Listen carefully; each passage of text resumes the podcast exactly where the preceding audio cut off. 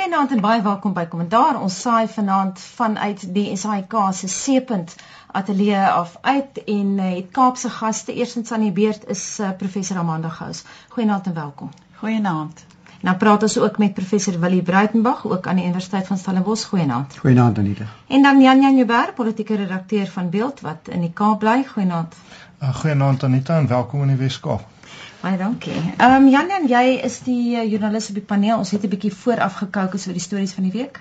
Ja, die groot storie van die week is natuurlik Julius Malema. Wat het gebeur en wat volgende? Is dit die einde laaste sien van die blikkantien? Tweedens, ehm um, die vakbonde wat nou wil intree in daardie vakuum wat Malema se verwydering nou gelaat het. Derdens sien ons dat binne die ANC dinge aan die kook is met allerlei sprake van nuwe teenstand teen president Jacob Zuma aan die einde van die jaar in Bloemfontein. En dan sien ons ook dat Jimmy Manyi terug is in die nuus, die kabinetswoordvoerder kan maar nie uit die moeilikheid uitbly nie. Hierdie keer blykbaar vir sy vriende werk gereël. Dan ehm um, sien ons vanoggend op die voorblad van Rapport en City Press meer aanduidings oor wat die ANC in gedagte het vir hulle beleidskonferensie en spesifiek dat hulle dink die grondwet is bietjie uitgedien. In die buiteland, Noord-Korea en Sirië in die nuus om verskillende redes. Noord-Korea is honger en Sirië is kwaad. Baie goed opgesom uh, Jan Jan en natuurlik ons praat nie dikwels oor Noord-Korea nie, maar kom ons begin uh, met plaaslike nuus. Malema uit die ANC geskop, maar ek dink die koerante is dit eens Amanda dat dit is nie noodwendig die einde van Malema nie. Nee, dit is definitief nie die einde van Malema nie, want hy sal appeleer daar is ander prosesse wat hy kan volg. Dit beteken dat die saak sal nog langer uitgereik word. Maar ek dink ook alself is hy nou uitgeskop uit die party, sal hy voortgaan om mense te probeer mobiliseer buite die party of deur sy aanhangers wat dan nog steeds in die jeugliga sal wees. So hy het, is definitief nie die einde van Malema nie. En natuurlik op 'n tegniese punt, hy kan nog op verskeie punte kan hy nog dit verder voer. Ek meen, hy sien net hierdie 2 ja. weke wat hy nou het om Ja, die na, eh, die nasionale uitvoerende komitee kan besluit. Daar is gevra dat hulle kyk na die uitspraak en 'n besluit neem. Ek twyfel of daar 'n verandering sal wees, maar hy kan dit dan nog verder voer op 'n ander manier. So, hmm. ja. Kom ons gaan na jou toe, Willie. Nie die einde van Malema nie. Ja, ek stem ook saam. Dis nie die einde van Malema nie. Hy was gister 31 jaar oud. Hy's vir 5 jaar verban. So hy kan terugkom as hy 36 is. Dis nog in die vleur van sy lewe. Maar by watter politieke tuiste hy dan gaan wees, gaan ons nie nou oor bespiegel nie, want baie baie dinge kan in 5 jaar se tyd gebeur. En wat nou gebeur hang in 'n groot mate saam met die aanloop tot die ANC se verkiesingskonferensie die einde van die jaar in hmm. Bloemfontein en Mangaung en ek dink dis 'n punt wat belangrik is om te maak naamlik die mense wat uh, daar's natuurlik die Zuma faksie, daar's 'n anti-Zuma faksie, maar die pro-Malema faksie is nie noodwendig ook anti-Zuma nie. Mm, stem jy saam met my? Ja, dit is nie nie die noodwendig dieselfde mense nie en ek dink daar's mense wat verlig is dat uh, Malema uit die prentjie uit is om juis omdat hy so 'n uh, slegte kleur gee aan mense wat Zuma opponeer. So ek dink daar's mense wat Zuma opponeer op beginsel besware en hulle is nou wel besig om te mobiliseer om juis om te kyk hoe hulle die politiek kan herstruktureer en sorg dat Zuma nie aan die einde van die jaar herverkies word as die president nie. Ek dink nie dit is die einde van Julius Malema as 'n politieke figuur nie. Uh maar die onlangse besluit waarteen hy nog moet appeleer is aspekte van die straf wat hy gekry het. Ons kan nou vir Jan Jan vra wat hy dink is die interpretasie hiervan. Is hy vir slegs 5 jaar uit die ANC uitgeskort of is hy lewenslank uit die ANC uitgeskort? Ek dink dit is 'n baie belangrike vraag en dan moet ons ook hierdie hele aangeleentheid sien in die konteks van die magstryd wat gaan uitwoed in Bloemfontein wat basies gaan oor die opvolgingsprosesse in die ANC. Wie gaan by wie oorneem? Dit is amper 'n kyk weer na die Polokwane debakel van 5 jaar gelede. En ek dink 'n belangrike punt om te maak dat daar is pro Malema mense in hierdie stryd. Dit is nie dieselfde as om in alle opsigte ook anti-Zuma te wees nie. Daar is ander mense wat anti-Zuma is en dan natuurlik Malema is ook anti-Zuma en dan die derde groep wat 'n belangrike rol gaan speel tot nou in in uh, Mangaung en later is natuurlik die Zuma groep self. Mm. Kom ons gaan na jou toe. Hy het nou so die bal in jou baan geplaas, Jan Jan. Ja, al ek hoop ek verstaan dit reg, maar my verstaan daarvan is dat die komitee onder Derek Hane kom die dissiplinêre komitee het verswarend bevind en het hom vir alle tye uit die ANC uitgeskop, nie geskort vir 'n bepaalde tydperk nie. Nou soos Amanda uitgewys het, kan hy appeleer, maar as die huidige posisie staan, dan kan hy wel sy um, loopbaan voortsit en daar stem ek met Willie saam dat hy sal. Ek is beslis nie verby nie. Hy's net te talentvol en hy het te veel steun, maar hy sal dit buite die ANC moet doen. En dit vir 'n ou wie se geldkraantjies toegedraai is deur Pravin Gordhan hulle se ingryping in Limpopo gaan in 'n proporsionele stelsel dink ek nogal deksels moeilik wees. Dis interessant dat julle almal dit die hele tyd binne die konteks van Mangaung plaas. Kom ek gaan weer terug na jou toe Amanda. Julle kollega by Noordwes Universiteit se Potchefstroom kampus Andre Dievenage sê dat die werklike besluit oor Malema se toekoms sal by Mangaung geneem word. Ja, wel ek dink uh, hy sal nie gaan lê voor daai tyd nie want dit, dit is vir hom eintlik belangrik wat daar gebeur. So hy gaan probeer om die ANC jeugliga te mobiliseer uh, al is dit deur die mense wat agtergebly het in die leierskapsposisies wat hom ondersteun. So hy sal agter die skerms mobiliseer en ek dink dit is juis um sy groot uh, ideaal is om van Zuma ontslae te raak. En dit gaan in Mangaung bepaal word. So as Zuma voortgaan en hy word herverkies, dan dink ek het Malema geen kans om enigsins selfs buite die ANC 'n uh, 'n rol te speel nie. Um, ek verskil van Jan Jan. Ek weet nie of hy so so talentvol is nie. Ek dink hy is 'n populis en en hy verteenwoordig 'n groep mense daar buite wat hulle self uitgesluit voel uit die politieke stelsel. Die demokrasie het vir hulle niks gebring nie. En daai daai steenbasis gaan nie verdwyn nie. So ek dink wat mense nou sê maar die vakbonde gaan nou in die vakuum in instap en ek verskil daarvan want ek dink vakbonde mobiliseer die werkersklas. Ehm um, die mense wat Malema mobiliseer is nie eers in 'n klas nie. Hulle is die klasloses, die armes en die ver, vergetenis. Mm. Ehm mm. um, so ek dink nie die vakbonde kan daai rol speel nie.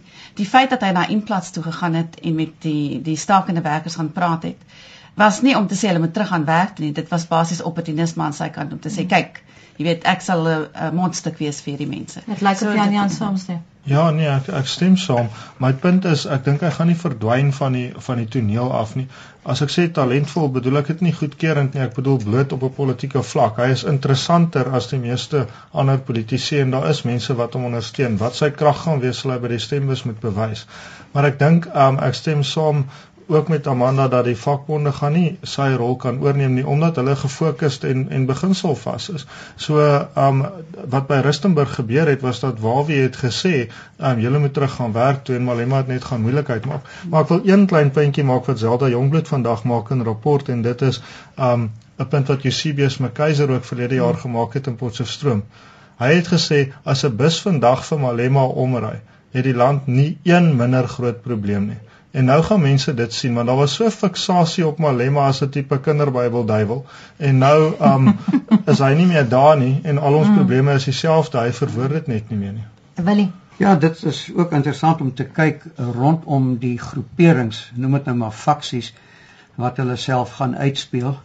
Uh uit die aard van die saak as ons by Mangaung kom, gaan daar ses name wees wat in die Zuma kampus vir die ses topposte in die ANC en daar gaan ses name wees vir Zuma se opponent. Mm -hmm. En uh, op hierdie stadium dink ek kan ons redelik aflei dat daar reeds 3 name bekend is wat nie in die Zuma kamp gaan wees nie. Duidelik is dit Fakile Mbalula as een ja. van hulle. Uh dan moontlik Galema Motlanthe want hy's almal se tweede prys. En dan lyk dit vir my asof daar 'n bietjie van 'n kopskuif by Kosatu plaasgevind het. Naamlik ek sal nie verbaas as Willem Zimbabwe ook in hierdie kamp uitkom nie. Nie omdat hy pro Malema is nie, maar omdat hy anti-Zuma is. Want die argument is Zuma het nie gedeliver op die beloftes van 2007 by Polokwane nie. Mm. Jan Jan stem jy saam? Ja, ek dink um, as Wawie betrokke raak sal dit in 'n kritiese rol wees na alle kante toe.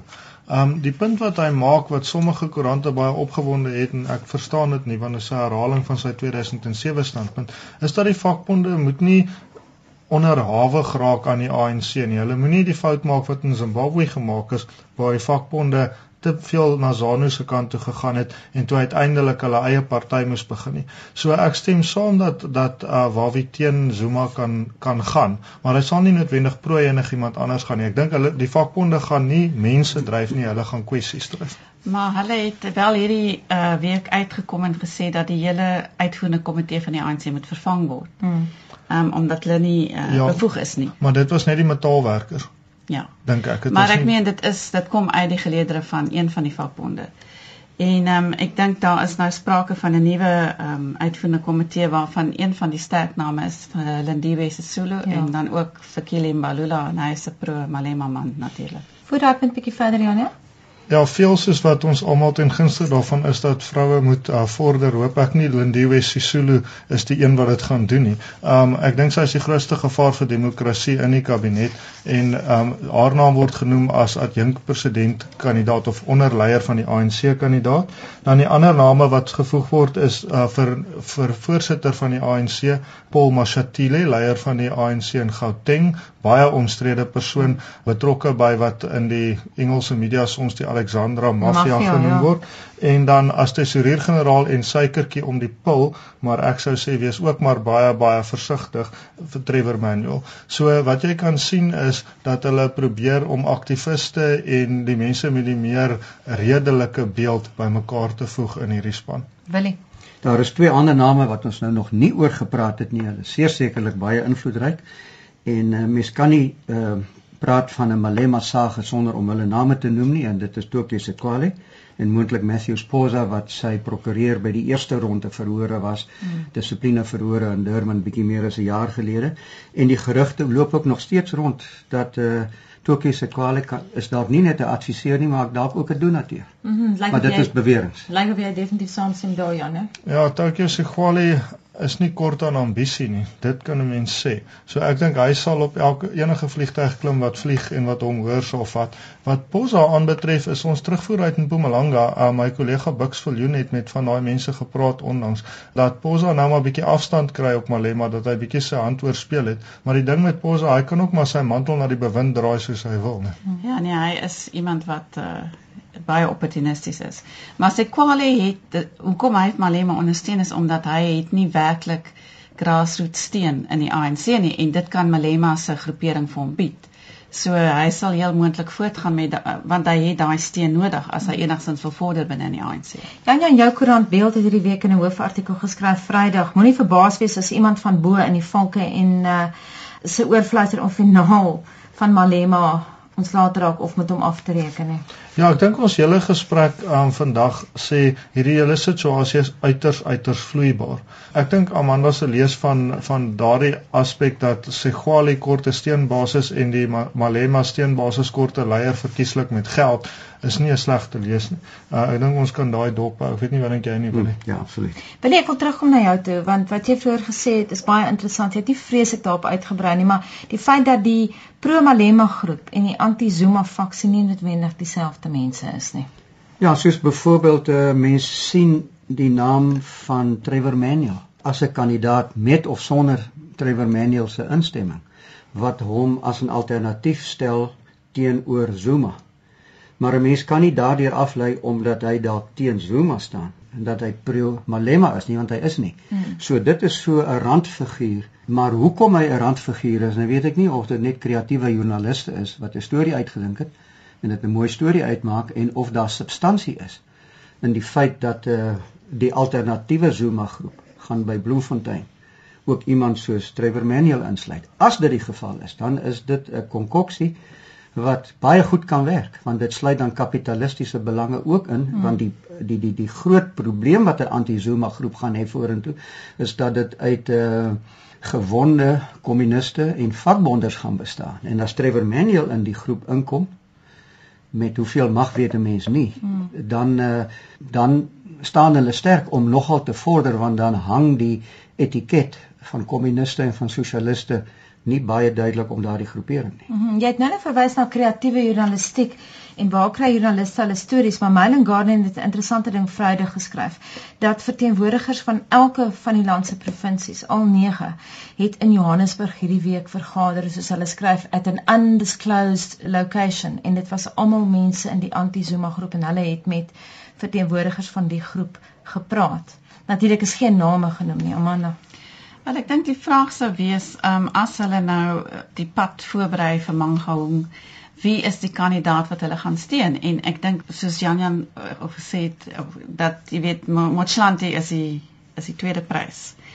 Ons weet so min van Motlanthe. Ehm um, ons weet nie werklik waar hy staan oor 'n hele klomp goed nie, maar daar is nie 'n ooglopende kandidaat nie en ek dink ons kan dit terugvoer na die na die Mbeki era wat al die kroonprinse en prinsesse is daarvan ontslaag geraak en Zuma het niemand basies uh, gekweek om om sy plek oor te neem nie. So dis nog steeds hierdie hierdie vakuum rondom 'n uh, 'n president in Suid-Afrika wat ek dink 'n baie kommerwekkende situasie is. Uh Motslante het goed gedoen in die paar maande wat hy wel die leier was, maar wat agtertoe deure in in onbepaalde plekke gebeur is natuurlik weet ek dink kommerwaardig want dit dan is daar nie deursigtigheid nie. Hmm. Maar ook daar was van in al nege provinsies en van die vroue liga in Limpopo was daar steun vir Malema wat gesê het ons gaan nie opgee op Malema nie. Hmm. So daar's duidelik geweldige faksies binne in die ANC en ek dink die ANC is besig om homself van binne af op te eet. Mm -hmm. ja, ja. Ek stem saam en ek sou wou sê die ANC kan dalk in Mangaung 'n situasie skep waar Zuma gereismuur word.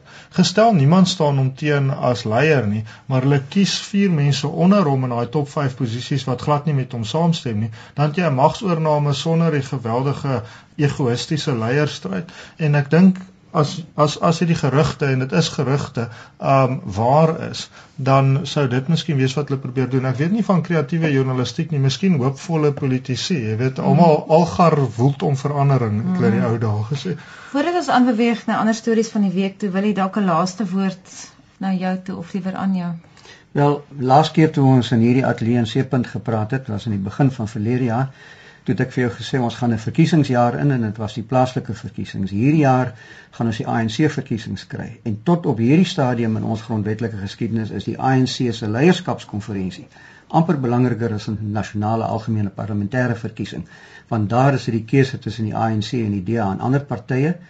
Terwyl wat in Bloemfontein gaan plaasvind, is 'n baie delikate keuse wie gaan die volgende 5 jaar die land regeer, want uh, wie by Bloemfontein gaan wen, gaan die volgende regerders wees. En in daardie konteks gaan al hierdie goed wat nou op die agenda is, soos byvoorbeeld dalk 'n nuwe grondwet rondom magte van die konstitusionele hof, dalk 'n media tribunaal, dalk grondhervorming. Uh hierdie debatte is tans hang in die lug. Dis verskriklik onseker. En wat Bloemfontein vir ons gaan bring is groot sekerheid oor hierdie goed. Daar gaan ek dink nie baie dramatiese aankondigings plaasvind nie want hulle gaan hulle buskruit wil droog hou met die oog op die verkiesing. Mm. En dan onthou net die punt wat ek gemaak het, hierdie verkiesingsjaar is 'n jaar wat jakkalse hoenders se belange verteenwoordig. Mm -hmm. Met ander woorde, dis beloftes, beloftes en beloftes. Met ander woorde van nou af kan elke gesprek oor politiek in hierdie land moet gesien word in die konteks van die aanloop tot Mango. Is dit korrek? Ja, ja, dit is wat ek sê. Kan ek net iets daarby voeg want ja. ek ek dink nie ons moet vergeet van die ANC se beleidskongres in Junie nie. Mm. Daar gaan die beleid wat gesteen gaan word in Mango op die tafel kom en die nasionalisering van die myne gaan een daarvan wees.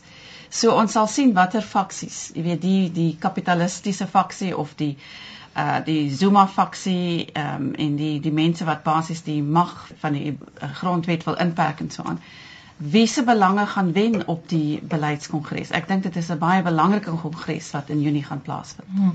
Beide wil en Amanda het nou verwys na die grondwet. Ons het 2 weke gelede baie lank gepraat oor die veranderings wat die ANC wil aanbring aan die grondwet, maar natuurlik baie hoog op jou prioriteitslys, Jan. Ja, daar's 'n aanloop nou al 'n ruk na hierdie ondergrawing eintlik van die grondwet deur die ANC of bevraagtekening daarvan en um City Press en rapport het op hulle voorblad vandag meer detail daaroor waar die ANC in daardie konsepbeleidsdokument sê die grondwet het sy doel gedien in die tydperk wat hy geskryf is, maar hy is onvoldoende vir die huidige tydperk van maatskaplike en ekonomiese transformasie. Dis die aanhaling. Hmm. Nou natuurlik ouer gewoonte word nie uitgestipel wat ekonomiese en maatskaplike transformasie se einddoel is nie.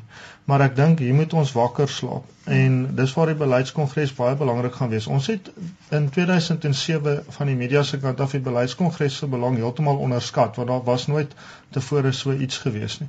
En um hierdie keer sou ons moet mooi kyk en ek dink wat Willie sê in verband met dat hierdie jaar word 'n groot mate geraam deur die ANC se interne um stryd en Amanda se aandrang daarop dat ons nie net op Bloemfontein fikseer nie maar ook op Midrand in Junie mm. waar hulle genadiglik dit nou gaan hou want as daar weer sulke chaos as in Bloemfontein was in Januarie gaan van daai mense verklein want daar was nie verblyf vir almal nie so ek's baie bly hulle dit Midrand toe geskuif maar ek dink so koud as wat dit gaan wees buitekant so warm gaan dit wees mm. binne net wat die grondwet betref, ek wil na jou toe kom, uh, wil die twee van jou kollegas professore Lawrence Du Plessis van uh, Noordwes en Marinus Wiggers, emeritus professor by Unisa, het gesê so 2 weke gelede op kommentaar dat uh, dis nie net so maklik natuurlik net om die grondwet te verander nie. Dat uh, mens moet ook nie mens moet wakker slaap soos Jan Jan sê, maar mens hoef nie oorbekommerd te wees nie. Dit was min of meer die strekking van hulle argument. Ja, dis die strekking van hulle argument en uh, die basis van daardie argument is artikel 74 in die grondwet wat sê om hoofstuk 1 in die grondwet en dis daardie hoofstuk in die grondwet wat sê dat die grondwet is oppermagtig dat ons lewe in 'n in 'n regstaat om dit te wysig met ander woorde artikel 1 van die grondwet en artikel 74 te wysig wat sê dat dit is die prosedure om die grondwet te wysig. As die grondwet wil wysig dan uh, moet die nasionale vergadering dit met minstens 75% steun. Met ja. ander woorde meer as 2/3 ja. 2/3 geld vir minder belangrike goed in die grondwet. Maar uh, dit hierdie is 'n 3 kwart en ek dink met die ANC se dalende steun, populêre steun, is 75% 'n besondere hoë hekkie wat nie maklik oorgekom kan word nie en dan moet die grondwetlike uh, hof die term in die konstitusie is die konstitusionele hof ook nog daaroor besluit en daarvoor ja sê. So dit is twee baie baie hoë hekkies.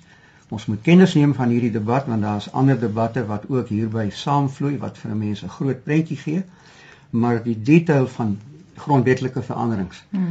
is dat dit is nie so maklik nie. Met ander woorde, dis makliker gesê as gedaan. Hmm. As besoekende Gautenger wil ek julle Kaapenaars goue ding vra.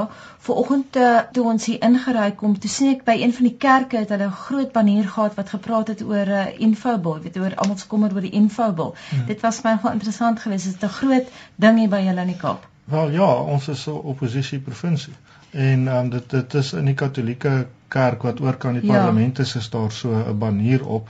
Die Katolieke Kerk en die Biskoppe Konferensie sover ek verstaan is is teen daardie wetgewing gekant. En ek dink dit is wel die belang van die algemene verkiesing is dat diegene wat meen geen regering moet te sterk wees nie en wat ure in die son staan om vir oppositiepartye te stem, maak dit moeiliker vir die regering om met die grondwet te maak wat hy wil. Dis tog interessant hoe politiek in die provinsies verskil want op die oomblik in Gauteng praat almal oor die e-tol. Ja. Dis dis ons groot ons groot ding daar, maar kom ons gaan gou-gou aan na ander stories van die week toe. Uh, Natuurlik het ons weer gesien dat die mense raak so gewoond Jan Jan dat die media skryf die uiters omstrede Jimmy Money, maar hy verdien daardie byvoeglike naamwoorde. Die uiters omstrede Jimmy Money is nou weer in die spervuur oor jobs vir Pelle Amanda. Ja, wel, ons weet dat hy hy het eintlik botsende belange want hy het nooit bedank van die Black Management Forum nie en ons weet waar hy staan op ras. So sy sy argument is dat apartheid uh, wit mense uh, onder apartheid swart mense benadeel het en daarom moet daar nou vergoed word daarvoor. So patronage of die feit dat ons uh, dat mense werk gee vir vriende en familie is nie, jy weet, ek dink nie dis vir hom 'n probleem nie. Maar dit is 'n ongelooflike um, konflik van belange. Dit is 'n vorm van korrupsie. En die openbare dienskommissie, een van die mense wat aangestel is, hollo, was daar was omtrent 50 navrae oor tender misbruik van tender prosedures.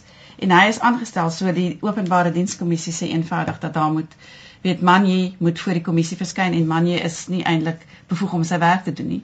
Maar ons weet Manje oorleef elke keer. So ja. hy hy het steen in hoë plekke. Hoekom oorleef hy Janie?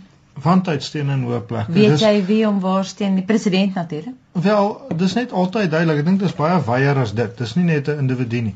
Die interessante, daar's 'n paar verskille tussen hom en sy voorganger Tema Maseko as kabinetswoordvoerder. Tema Maseko het aansienlik beter begrip van kwessies gehad. Jy kon hom enige iets vra en hy was absoluut eerlik en eerbaar.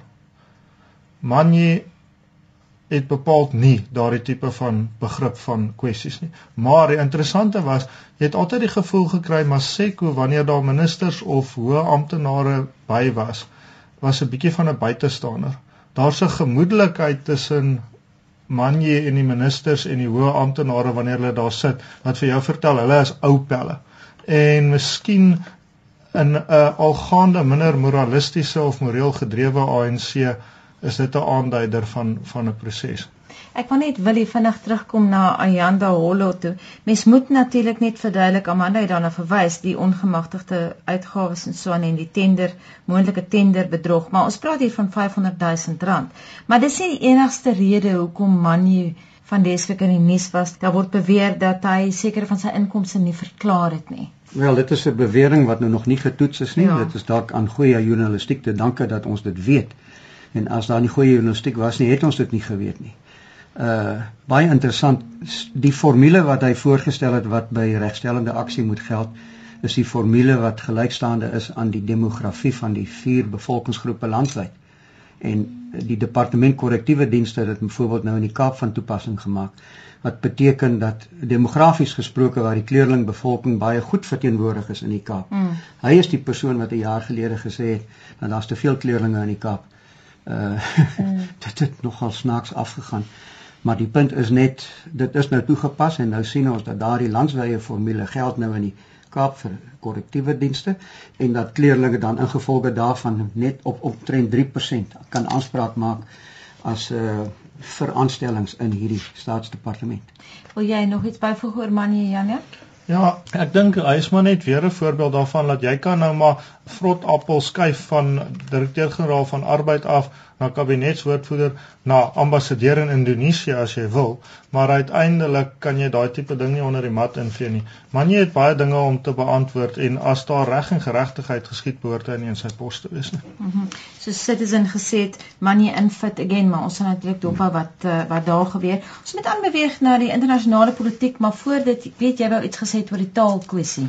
Ja, ek, ek wou net sê die um konseptaalwet is een van die daarvoor die parlement nou mense sal weet dat die implikasie daarvan is dat Afrikaans uitgerangeer word deur die nasionale regering omdat die wetsontwerp soos hy staan sê 'n uh, eh, staatsdepartement moet drie tale gebruik waarvan twee vooraf benadeelde tale moet wees. Dit beteken in praktyk elke staatsdepartement moet kies tussen Afrikaans en Engels vir die een taal en die ander twee kan hy nou enige van die ander 11 amptale vat.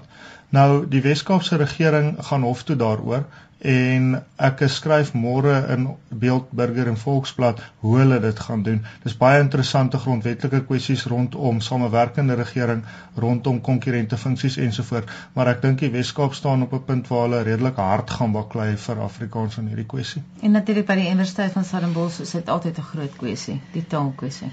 Ja, die taalkwessie ehm um, ek weet nie of ons dit ooit gaan oplos nie want ek dink daar's ook in in hierdie geval verskillende stakeholders wat uh verskillende ehm um, uitkomste wil sien en ons is op die oomblik besig om uh lede van die konvokasie vir die raad te verkies en en dit is mense wat almal baie sterk staan op Afrikaans. So hulle is 'n belangrike belangegroep. Maar ek dink die probleem van hierdie hierdie idee dat ons uh nie kan kyk na demografie is een wat groot probleme vir die Weskaap veroorsaak.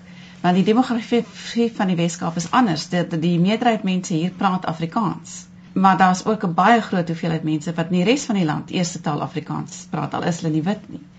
En ek dink dit word oor die hoof gesien. Ek dink dis eintlik die punt ja, ehm um, dat byvoorbeeld in in Noordwes is dit tog seker logies om Afrikaans, Engels en Setswana te vat as jou drie tale want daar's nie regtig ander taalgroepe daar nie of in KwaZulu-Natal daar's nie eintlik enige iemand wat nie of Zulu of Engels of Afrikaans sprekend is nie. Hmm. En jy kan so die provinsies aframmel. Daar's omtrent 3 waar Afrikaans nie 'n noodwendige keuse is nie, maar vir die res is dit 'n noodwendige keuse en die probleem met hierdie wetsontwerp is dat dit dit onwettig maak om Afrikaans en Engels saam te gebruik tyd om aan te beweeg van die Kaap na Sirië en ook na Noord-Korea. Ons gesels baie min op kommentaar oor Noord-Korea. Mens moet seker meer daaroor gesels. Baie interessant dat hulle bereid is om uh, 'n uh, stap terug te gee wat hulle kernwapenprogram aanbetref, maar natuurlik dit gaan oor kos van die FSA. So hulle is honger, wil nie. Ja, hulle is verleë oor hulle ryk bure. Hulle ryk bure sluit onder andere Japan in.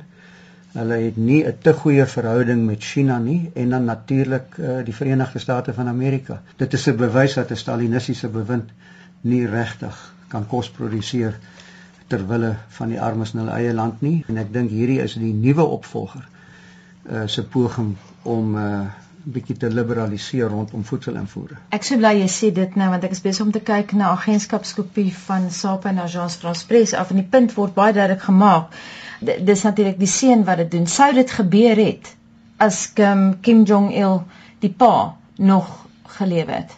Waarskynlik nie. Jy stem saam met my. Ja nee. Nee, hy was 'n hard die hardliner hy sou nie um, toegegee nie.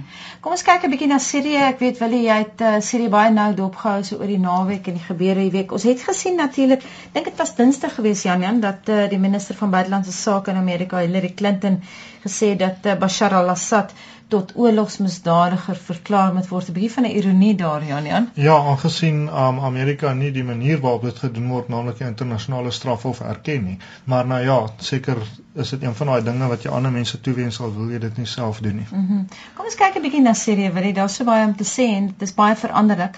En uh, daar word baie gegis oor Kofi Annan iets daar gaan regkry.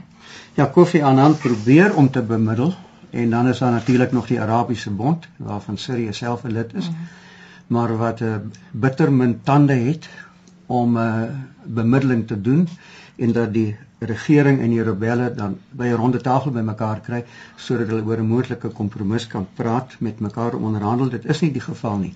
Maar ek sal graag ook hier net 'n ander punt wil maak. Uh ek dink ons in die weste kry nie altyd die beste nuus uit Sirië uit nie wat ons wel weet is dat daar ongeveer 7500 mense al dood is dit klink vir ons asof dit elke keer die regering is wat die burgerlikes en veral die stad Homs aanval hierdie mm. week ook met lugskepe ja. wat 'n hele konvensionele oorlog is maar die rebelle is nou al vir 'n jaar lank rebelle. Uh wat laat hulle so lank uithou? Ek dink dit is my baie duidelik dat die rebelle het ook buitelandse steun. Hulle buitelandse steun kom van Turkye af en van die en van Saudi-Arabië af en clandestien van die Verenigde State van Amerika af. Dan is daar as ons 'n verklaring vind hoekom is die Arabiese blok dan nou verdeel. Dan dink ek kan 'n mens dalk teruggaan na die spanninge wat daar sedert die dae van die profeet Mohammed bestaan het oor die drie groot groeperinge in die moslimgemeenskap. Naamlik die Sunnis, soos mense van van Irak, die uh, Shiite wat tipies die perse van Iran is en dan uh hier in Sirië is dit die Ba'ath. Die Ba'ath is die enigste of Sirië is die enigste land waar die Ba'ath 'n dominante groep is en hierdie het met eeuelange krisisse te maak. So wie mekaar wie mekaar beveg en wie vir wie bombardeer het ook te maak met hierdie interne verdelings in Sirië wat 'n 100% moslim land is maar waar daar ook minderhede van Sunnis en van Shias is met die meerderheid die Ba'ath. So ons moet ook hierdie konteks of hierdie konflik in daardie konteks sien. En uh wat die oorlog self betref is dit 'n asimetriese oorlog. Dis 'n regering teen 'n klompie rebelle. Hmm. Maar die rebelle is nie net 'n klomp gorillas, vryheidsvegters soos wat ons hier in Afrika gehad het nie. Wapens word gereeld aan hulle gevoer en uh dit is nou maar net 'n bewys Sirië is nie 'n land met vreeslik baie olie nie, maar godsdienst en olie meng nie. Die hele Midde-Ooste het vir ons geleer. Hmm, ja, daar is dit goed opgesom Jan Jan. Godsdienst en olie meng nie. 'n Laaste woord aan jou man. Ja, nee, ek dink dit is wat die situasie in Sirië anders maak as die Arabiese lente in in Noord-Afrika. Want ehm um, dit is jy weet daar was spesifiek die mense self het aangedring op verandering. Mm. En ek dink in Sirië is daar wel, jy weet, uh, mense wat verandering wil hê, maar daar's ook 'n skrikbewind deur die regering en dit is nie so maklik om daai regering omver te werp as wat dit in in Noord-Afrika was. En op daardie noot eindig ons vanaand se kommentaar. Baie dankie dat jy kom gesels het by die ateljee in Seepunt Professor Amanda Gas. My plesier. Goeienaand Anita. En baie dankie aan Professor Willie Breitenberg wat ook hier by my sit in Seepunt se ateljee. Baie dankie vir die saamgesels. En sien jou by die woordfees. Ja, absoluut. En baie dankie aan Jan Jan Huber. Dankie Anita, dit was 'n voorreg.